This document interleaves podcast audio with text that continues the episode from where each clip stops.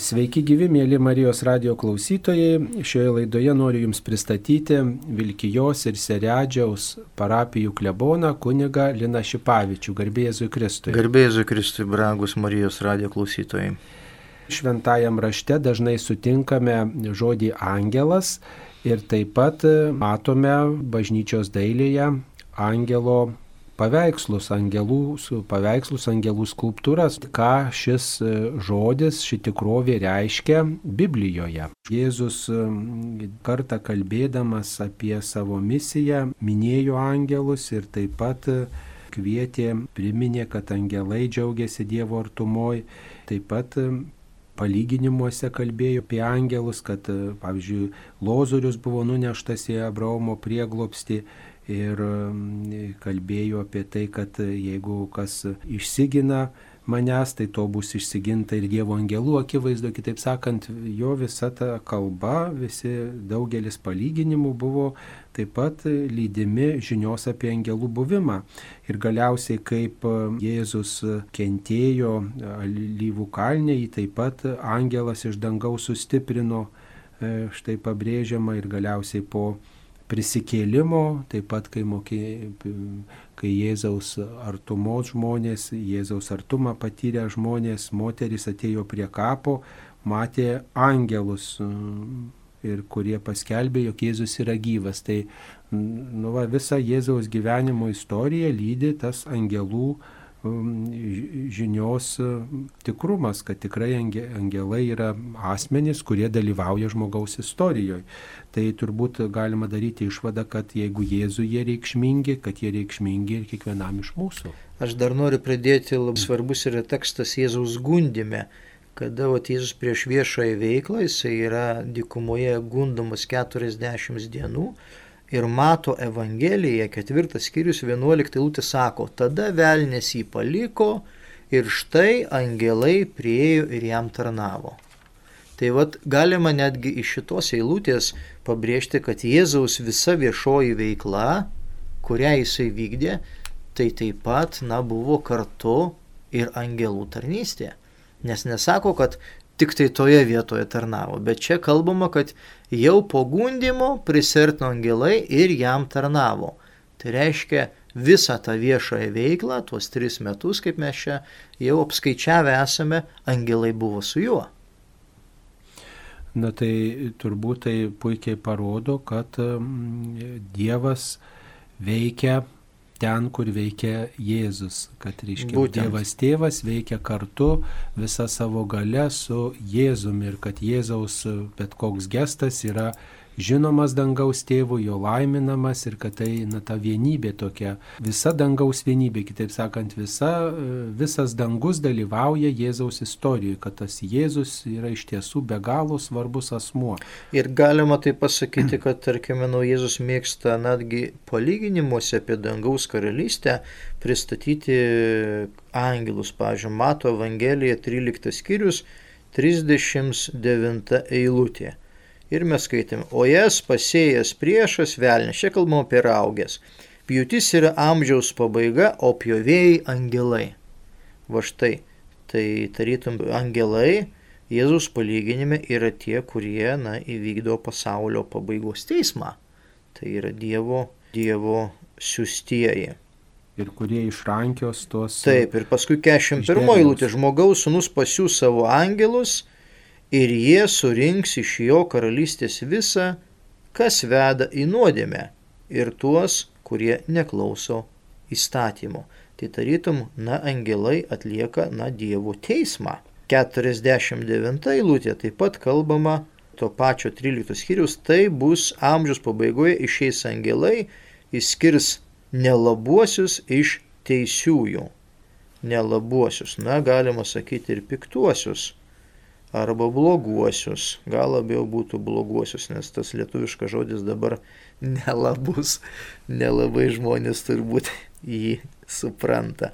O taip pat mato Evangelijoje 16 skyriuje 27 eilutėje sakoma, kad e, kai ateis e, Jėzus savo tėvo šlovėje su savo angelais, tai reiškia, na ir žemėje čia tas angelo palydėjimas Jėzų gaubė ir taip pat amžinybei gaubė angelų artumas. Ir, ir čia va, ta va, tokia įdomi perspektyva, nes žmogaus sunus ateis savo tėvo šlovėje su savo angelais ir tada jis atlygins kiekvienam pagal jo elgesį. Ir toliau, jeigu mes žiūrėtume, tada jau persikeliam mes į 25 skyrių Mato Evangelijos, 41 eilutė, kada yra aprašomas tas paskutinis teismas, dar yra 31 eilutė pati pradžia, kai žmogaus sunus ateis savo šlovėje ir visi angelai su juo, tada jis atsisės į savo garbingą sostą. Garbingą arba į savo garbės arba šlovės sostą. Tai va čia yra tas dangaus perspektyvos pristatymas. Angelai yra būtent šalia Jėzaus. Ir čia toksai labai gražus kalbėjimo būdas, nes mes matėme, kad po gundimo, kada Jėzus pradeda viešą veiklą, angelai yra su juo ir jau pasaulio pabaigoje, kada yra žmonijos teismas, taip pat angelai yra su Jėzumi. Bet kartu šitam 25 skyriuje pabrėžiama, kad ir yra velnio angelai. Būtent. 41 eilutė. Taip, taip, taip. Eikite nuo manęs prakeiktieji amžinugnį, prirenkta velniui ir jo angelams. Tai reiškia, ne tik tai yra velnės, tas e, maištininkas, kuris... Luciferis, kaip mes sakome. Nutarė netarnauti Dievui, puolė šviesos angelas, bet taip pat ir jo bendrininkai. Ir jeigu, pavyzdžiui, mes sukylam prieš Dievą, maištaujam ir atmetam Dievo tvarką, Dievo planą, Dievo valią, mes tampame velnio angelų talkininkais, dalininkais. Ir pasižiūrėkime, sakykime, 26 skyrius 53 lūtė mato Evangelijos. Ar manai mane negalinti melsti savo tėvą, kad jis to jau man pristatytų daugiau negu 12 legionų angelų? Ir va štai mes, kada kalbėjome apie tą struktūrą, tai va čia galėtų būti irgi toks vienas iš argumentų, kad Naujame testamente jau yra angelai, kurie daugiau kaip 12 legionų. Ir tai yra, na, jau Romos imperijos kariuomenės struktūra, bet Matas, evangelistas, na, pasitelkė šitą būtent palyginimą ir tarp kitko šita eilutė tik tai yra užrašyta Evangelijų pagal matą. Mes neturime kitose sinoptinėse evangelijose, kas tas irgi yra įdomu. Tai yra evangelisto mato konkretus interpas į savo pasakojimą. Dar toks įdomus dalykas, kada kalbame apie prisikėlimą, pasižiūrėkime, 28 e, skyrius antroji lūtė. Staiga vyko smarkus žemės drebėjimas, nes viešpatės angelas nužengęs iš dangaus ir prieėjęs nurito akmenį ir atsisėdo ant jo. Tai va tas prisikėlimas, tai irgi yra pagalba angelų. Angelas ateina ir nurita nuo kapo Rusio akmenį. Tai vis būdas pasakyti, kad tokia dangaus tikrovė įsiterpia į žmogaus gyvenimą. Kažkas, ko žmogus neturi savo patirtį ir negali sukontroliuoti. Man tai visur, kur yra Jėzaus ar jau po Jėzaus istorijos paminėtas angelas, vis, atrodo, tas būdas švento rašto autorių pasakyti, kad Dievas kažkokiu būdu įsiterpia į žmogaus gyvenimą per konkretų asmenį, kuris gal primena žmogų, o gal kartais atrodo visiškai nežemiškas. Juk e, štai yra paštalų darbuose yra rašoma apie angelo veikimą, ne tik tai čia su Jėzumi susiję, ne tik tai su Senuoju testamentu, bet taip pat ir e, po Jėzaus žemiško gyvenimo veiklos, kai apaštalai jau tokie tarsi artimesni mums, nes jie buvo tokie patys žmonės ir, ir jų relikvijas neturime, ir jų gyvenimo istoriją skaitom, ir jie taip pat ir buvo tokie klystanti žmonės, bet jie irgi susi, susidūrė su angelų veikimo tikrove. Paštalų darbuose penktajame skyriuje 19 eilutėje rašoma, kad įkalintiems asmenims atėjo pagalba, angelas naktį atidarė kalėjimo vartus. Ir tokia pagalba atėjo, tai irgi būdas turbūt pasakyti, kad nu, stebuklas įvyko jų. Bet gyvenime. reikia pabrėžti, kad čia vat kalbama, bet naktį viešpatės angelas atidaręs kalėjimo duris ir juos išvedęs tarė. Ne šiaip kažkoks angelas, bet yra viešpatės angelas. Ir tai dažnai pabrėžiame, kad, kad na, šitų terminų, kad tai nebuvo kažkoksai tai pasiūstas apaštalų draugas, bičiulis, ar ten, sakykime, pirmosios bendruomenės narys, bet čia konkrečiai kalbama apie tą atgamtinį įvykį. Taip pat ir apaštalų darbų 8 skyriaus 26 eilutėje rašoma, kad Filipui taip pat atliekant savo misiją ir skelbiant žinę apie Jėzų, taip pat dalyvavo angelas ir padrasino jį, jį tiesiog atlikti misiją, nueiti į tam tikrą vietą ir, ir žodžiu, atlikti užduotį. Viešpaties angelas prabilo į Pilypą ir pasakė, kelkis ir vidurdienį nueik ant vieškelio, kuris eina iš Jeruzalės į Gazą. Jis visiškai tuščias. Taigi, nu, toks padrasinimas, kuris eina iš Dievo, ne paties žmogaus sugalvotas, bet iš Dievo. Tai... Bet dar galima žiūrėti ir į apašlų darbus šeštą skyrių 15 eilutė, kur taip pat labai įdomiai kalba apie Steponą, kuris yra pristatomas, na labai įdomiai. Čia yra pastraipa suima ir apkaltina Steponą. Ir 15 eilutė labai įdomi jį pristato. Visi, kurie sėdėjo Sinedrijone, įbedę akis žiūrėjo į jį ir matė, kad jo veidas buvo tarsi angelo veidas. Na ir va šitas irgi toksai na įdomus palyginimas. Jo veidas buvo tarytum angelo veidas. Na tai vadinasi kitoks tas angelo veidas negu žmonių. Ir Sinedrione, na tie žmonės turbūt na, buvo matę arba bent kažkas tai papasakojo. Tas palyginimas yra įdomus. Nes su kuo palyginti, jeigu angelas yra nežemiška būtybė ir va, e, tiesiog net ir turbūt į paveikslų žiūrint, e, kurie vaizduoja angelus, va, kyla klausimas, kaip dailininkui pavaizduoti angelo veidą. Taip. Jeigu, jeigu tai nu, nežemiška tikrovė, tai reikia turėti kažkokią patirtį, ne, koks etalonas yra to, to vaizdavimo. Ne. Kokią formą ar tai žiūrima į, į kažkokį tyrą, šventą, švento gyvenimo žmogų, reiškia, tai vis tiek mūsų patirtis sako, jeigu jis kalba, jeigu jis ateina, jeigu jis paragina, kad tai yra kažkokia mums pažini tikrovė, kitaip mes kaip suprastume.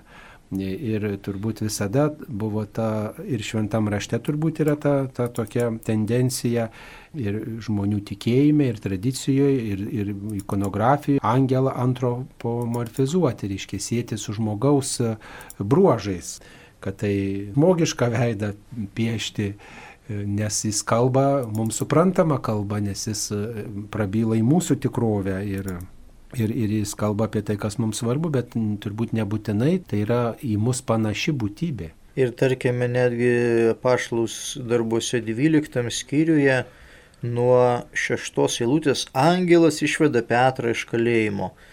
Tai irgi Naujas Testamentas labai aiškiai kalba, kad tas angelas tikrai funkcionavo, gyvavo kaip tikra būtybė, na ir, sakoma, toliau tęsia išganimo istoriją. Dar viena eilutė, kuri turbūt tokia yra šiek tiek mislinga, tai yra pirmas laiškas korintiečiams, šeštas skyrius, trečia eilutė. E, reiškia, e, apaštalo Pauliui priskiriamas laiškas, reiškia, yra apaštalas Paulius, e, tas, kuris nevaikščiojo su apaštalais ir tas kalba apie angelus, tai reiškia, dar mums vienas argumentas, kad tai svarbi tikrovė. Ir e, čia e, apaštalas Paulius kalba apie tai, kad mes teisime angelus. Ar nežinote, kad mes teisime angelus? Ką čia tuo norima pasakyti, kad mes žmonės tarsi būsim viršesni už angelus, ar kaip čia suprasti? Na, ta žodis krino būtent ir kalba, kad teisti, nes krizis paskui kilęs graikiškas žodis yra teismas. Čia manau, kad kalbama būtent apie tos nupolusius angelus, kada pasaulio pabaiga ir vis dėlto tas Dievo teismas e, bus ir, ir mes būsime Dievo artumoje, mes būsime toje teisingoje pusėje, na ir bus įvykdytas tas teisingas teismas. Gal taip pat čia norima pasakyti apie tai, kad suprasime, įvertinsime pagaliau ne tik tai puolusių angelų, bet ir apskritai Dievą atmetusių žmonių vat, kelio pražutingumą, kad mes iki galo suprasim, ką reiškia atmesti Dievą prieš jį sukilti, ne tik tai angelams, bet ir žmonėms. Kitas dalykas, netgi ir ta Henoko knyga labai kalba, kad e, Dievo akise tarytum, na, žmogus yra brangesnis negu angelas. Ir, ir dėl to taip, taip yra, kad, kad e, mes toje perspektyvoje mes tarytum, na, būsim aukštesni už tuos angelus.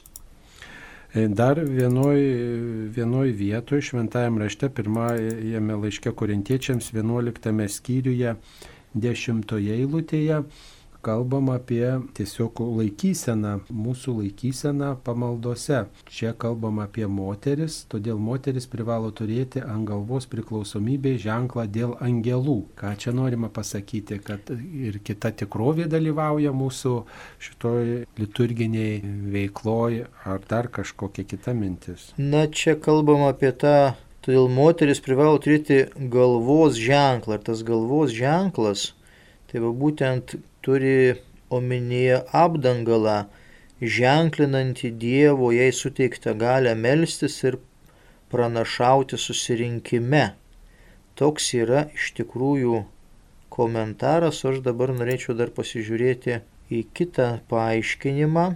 Ženklą ant galvos angelams. Šio laikinis skaitytojas gali tik spėlioti, ką reiškia šis mislingas posakis biblistų pateikiamus atsakymus galima suskirstyti į keturias pagrindinės grupės.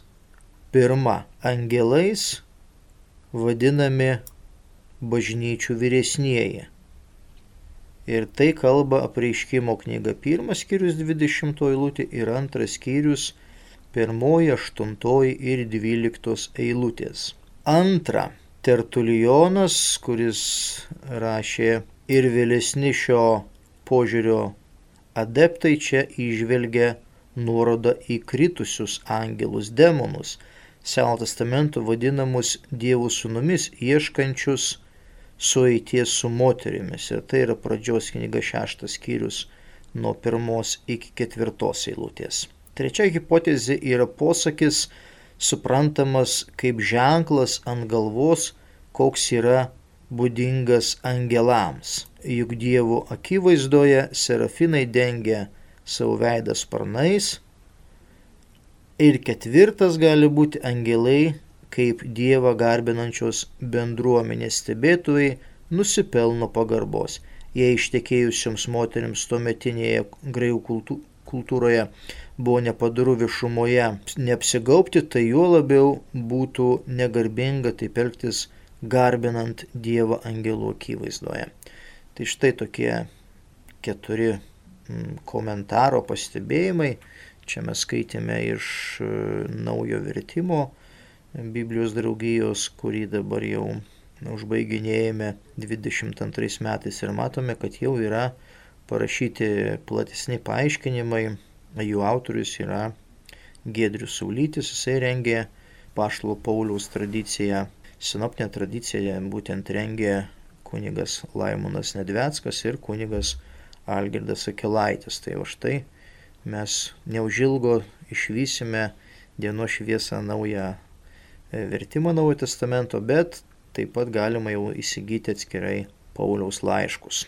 Dar kalbant apie paštalą Paulių, kuris vienas iš nedaugelio švento rašto autorių kalba, kad angelai taip pat turi kalbą garsiajame meilės gimne, tai yra pirmas laiškas korintiečiams, 13 skyrius, pirmą eilutė, jei kalbėčiau angelų kalbomis, bet neturėčiau meilės, aš būčiau niekas. Ką žinome apie tą angelų kalbą, kuri tai apibūdinta paštalo Pauliaus, kad yra ta angelų kalba turbūt kaip kažkas tokio išskirtinio, kažkas to, kas jau žmogui nepasiekiama. Tačiau tas, kas mums pasiekiama, meilės tikrovė yra dar svarbiau negu angelų kalba, bet vis tiek įdomu, kas ta angelų kalba. Mes čia turbūt turime tą merizmą, kad, sakykime, nu, angelų kalba tai reiškia pristato dangišką perspektyvą o žmonių, žmonių kalbos tai pristato na, mūsų žemišką perspektyvą. Tai reiškia, kad e, Paulius nori pasakyti, kad jeigu aš mokėčiau visas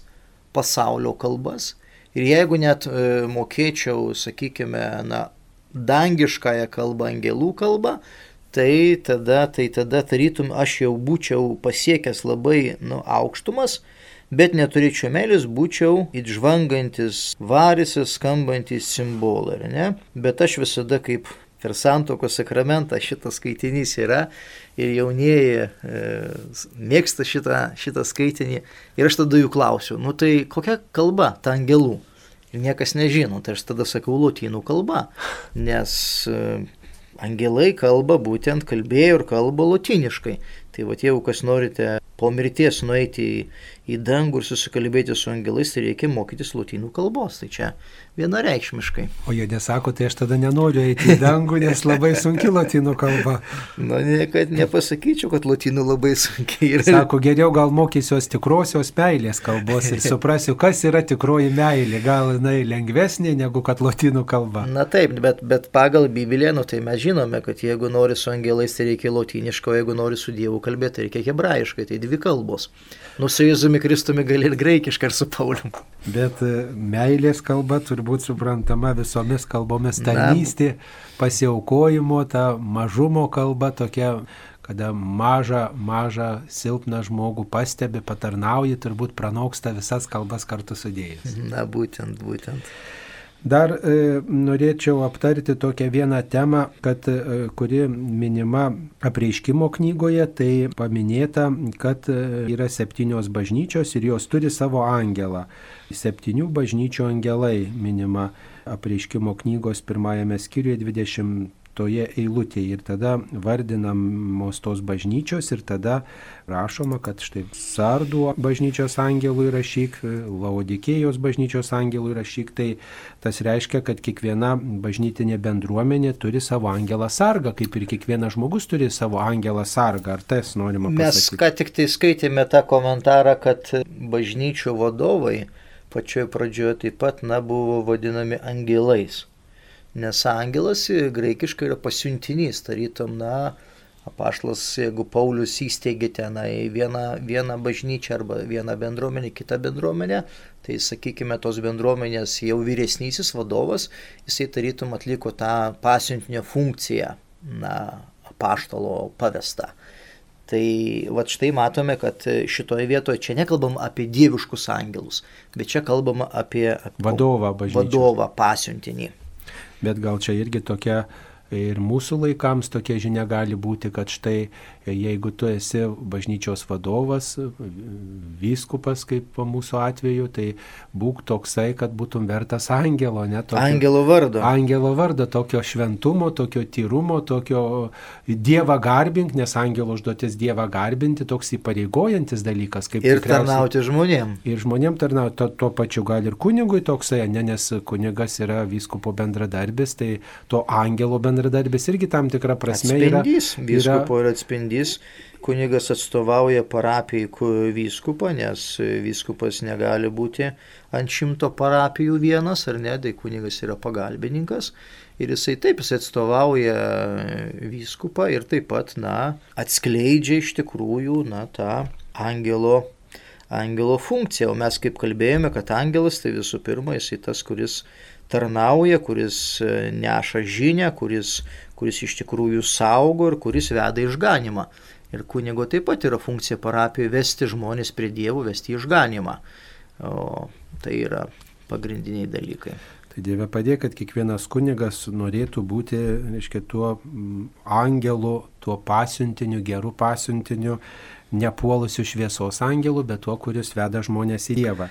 Bet aš dar noriu tokį įsiterpti, kartais pas mus visuomenėje arba netgi, na, nežinau, tradicijoje kad angelas asocijuosi su tokiu geru, sako, vat geras, žinai, arba ant vaiko sako, oi, oi mažiukas angeliukas, ar ne, jisai geras, visa kita. Vat tas man, vat taip kelia, kelia tokį klausimą. Nu, kodėl, kodėl, sakykime, na, angelas toksai yra geris, bet mes matome, kad, na, angelai, nu, nė, nėra vien tik tai geris, jie, sakykime, įneša Dievo teismą ir tie, kurie blogi, jie iš tikrųjų yra, na, nu, baudžiami. Ir pavyzdžiui, laiškė žydams 11 skyriuje 28 eilutėje parašyta, kad angelas naikintojas e, turėjo atlikti tam tikrą misiją. Vadinasi, angelas gali ir naikinti. Bet e, gal tuo norima pasakyti mūsų tokioj e, vartosenoj, kad geras kaip angelas, kad na, va, tas žmogus yra kažkas tokio, turi kažką tokio, ką turi Dievas, tokio gerumo, ne? nes angelas iš esmės yra Dievo artumos pasiuntinys, tas, kuris atėjęs nuo Dievo, su Dievo misija, su Dievo užduotim, tai tada jeigu geras kaip angelas, toks, tai reiškia, jis, jis jau į Dievo pusę, jis yra kaip tas, kuris turi ypatingą na, užduotį, išrinktas arba, arba Dievo artumoj galintis būti toksai, gal tą norima pasakyti. Na ir aš, pažiūrėjau, pastebiu, kad Krikšto sakramento metu dažnai žmonės e, tiems vaikučiams dovanoja angeliukus. Ar tu pastebėjai? Pas mane dažnai prašo, kad kvakunėgė pašventikit, čia mes norim padovanoti vat, tą angeliuką. Tai vat irgi čia yra ta mūsų tokia jau katalikų bažnyčios tradicija, kad kiekvienas žmogus turi savo angelą sargą. Ir Krikšto sakramento metu Krikšto tėvai dažniausiai jau padovanoja tą tokią gražią statulėlę. O dažnai žmonės klausia, o kada žmogus gauna tą angelą sargą? Ar nuo krikšto, ar nuo pradėjimo momento? Ar bažnyčia yra kažkur apie tai kalbėjusi? Man dabar sunku atsakyti, bet aš galvoju, kad... Teologiškai kaip. Teologiškai tai nuo pradėjimo. Nuo pradėjimo angelas jau stovi žmogaus artumoje. Tai tas, kuris yra nekrikštytas, ar jisai irgi turi angelą sargą? Manau, kad taip. Kiekvienas dievų kūrinys, jisai turi angelą sargą, tik tai krikšto sakramentas būtent jau tą žmogų įveda į bažnyčios bendruomenę ir jisai tampa dievų vaiku. O, o tai tas, kuris neprieima krikšto, ar jis yra tas Dievo sūnus, Dievo vaikas? Na, mes visi esame Dievo vaikai, tik tai, kada žmogus, na, nepriima krikšto ir jisai galbūt net, netgi atsisako savo tikėjimo, na, tai Dievas gerbė žmogaus laisvę ir tuomet tas angelas, tarytum, nas, toks kartais pristatomas paveikslas kaip užsisukęs, ar ne, nuo žmogaus. Užsisukęs liūdnas angelas, kuris, na, e, iš ties negali atlikti savo misijos. Taigi apibendrindami šitą laidą, ką galėtume pasakyti, kokia ta angelo tema jums yra artimiausia arba jums taip suprantamiausia yra, kaip galima ją na, pristatyti žmonėms. Na visų pirma, angelas tai yra Dievo pasiuntinys. Ir mes tuomet matome, kad, na, Dievui, Dievui svarbus kiekvienas žmogus, kiekvienas žmogaus gyvenimo žingsnis ir etapas Ir angelas tarytum yra tas, kuris pristato arba tas, kuris apreiškia patį viešpatį Dievą. Ir angelas ateina žmogui su pagalba, angelas nuneša Dievui žmogaus prašymus, angelas tas, kuris žmogų veda per šitą žemišką gyvenimą, jisai netgi sprendžia žmogaus ateitį ir netgi angelas na, gali aiškinti tam tikrus žmogaus gyvenimo įvykius arba etapus. Tai vis dėlto jisai yra svarbus e, biblinėje tikrovėje, svarbus iš tikrųjų mūsų religinėme gyvenime ir mūsų žemiškame gyvenime. Tik tai galbūt reiktų pasakyti, kad dabar na, mes labai mažai kalbame apie angelus, mažai juos prisimename ir jie dabar taip truputėlį, na, nu, nutolę nuo mūsų tos tikrovės arba kalbėjimo būdo, bet šiaip tai, tai jie, jie funkcionuoja ir mes tikime jų buvimu. Ir dar galėtume pasakyti, kad šventajame rašte žodis angelas paminėtas virš 400 kartų Ir tai reiškia, kad tai yra svarbi tikrovė vien dėl to, kad tai yra dažnai minima tikrovė ir įvairiuose kontekstuose, ne tik tai vienoj knygoje, ne tik tai vieno, vienu laikotarpiu, kada buvo rašoma šventasis raštas, bet praktiškai kiekvienoj švento rašto knygoje, beveik turbūt kiekvienoj paminėta žodis angelas. Vadinasi, tai iš tiesų reali tikrovė, su kuria ir mes šiais laikais, net ir nepatirdami, kartais nematydami angelo, turime skaitytis. Mėly Marijos radio klausytojai, apie angelus šioje laidoje kalbėjome su Vilkijos ir Seredžiaus parapijų klebonų kunigu Linu Šipavičiumi, jį kalbinau aš kunigas Saulis Bužauskas. Visiems angelų globos. Ačiū. Visiems sudė. angelų globos sudė.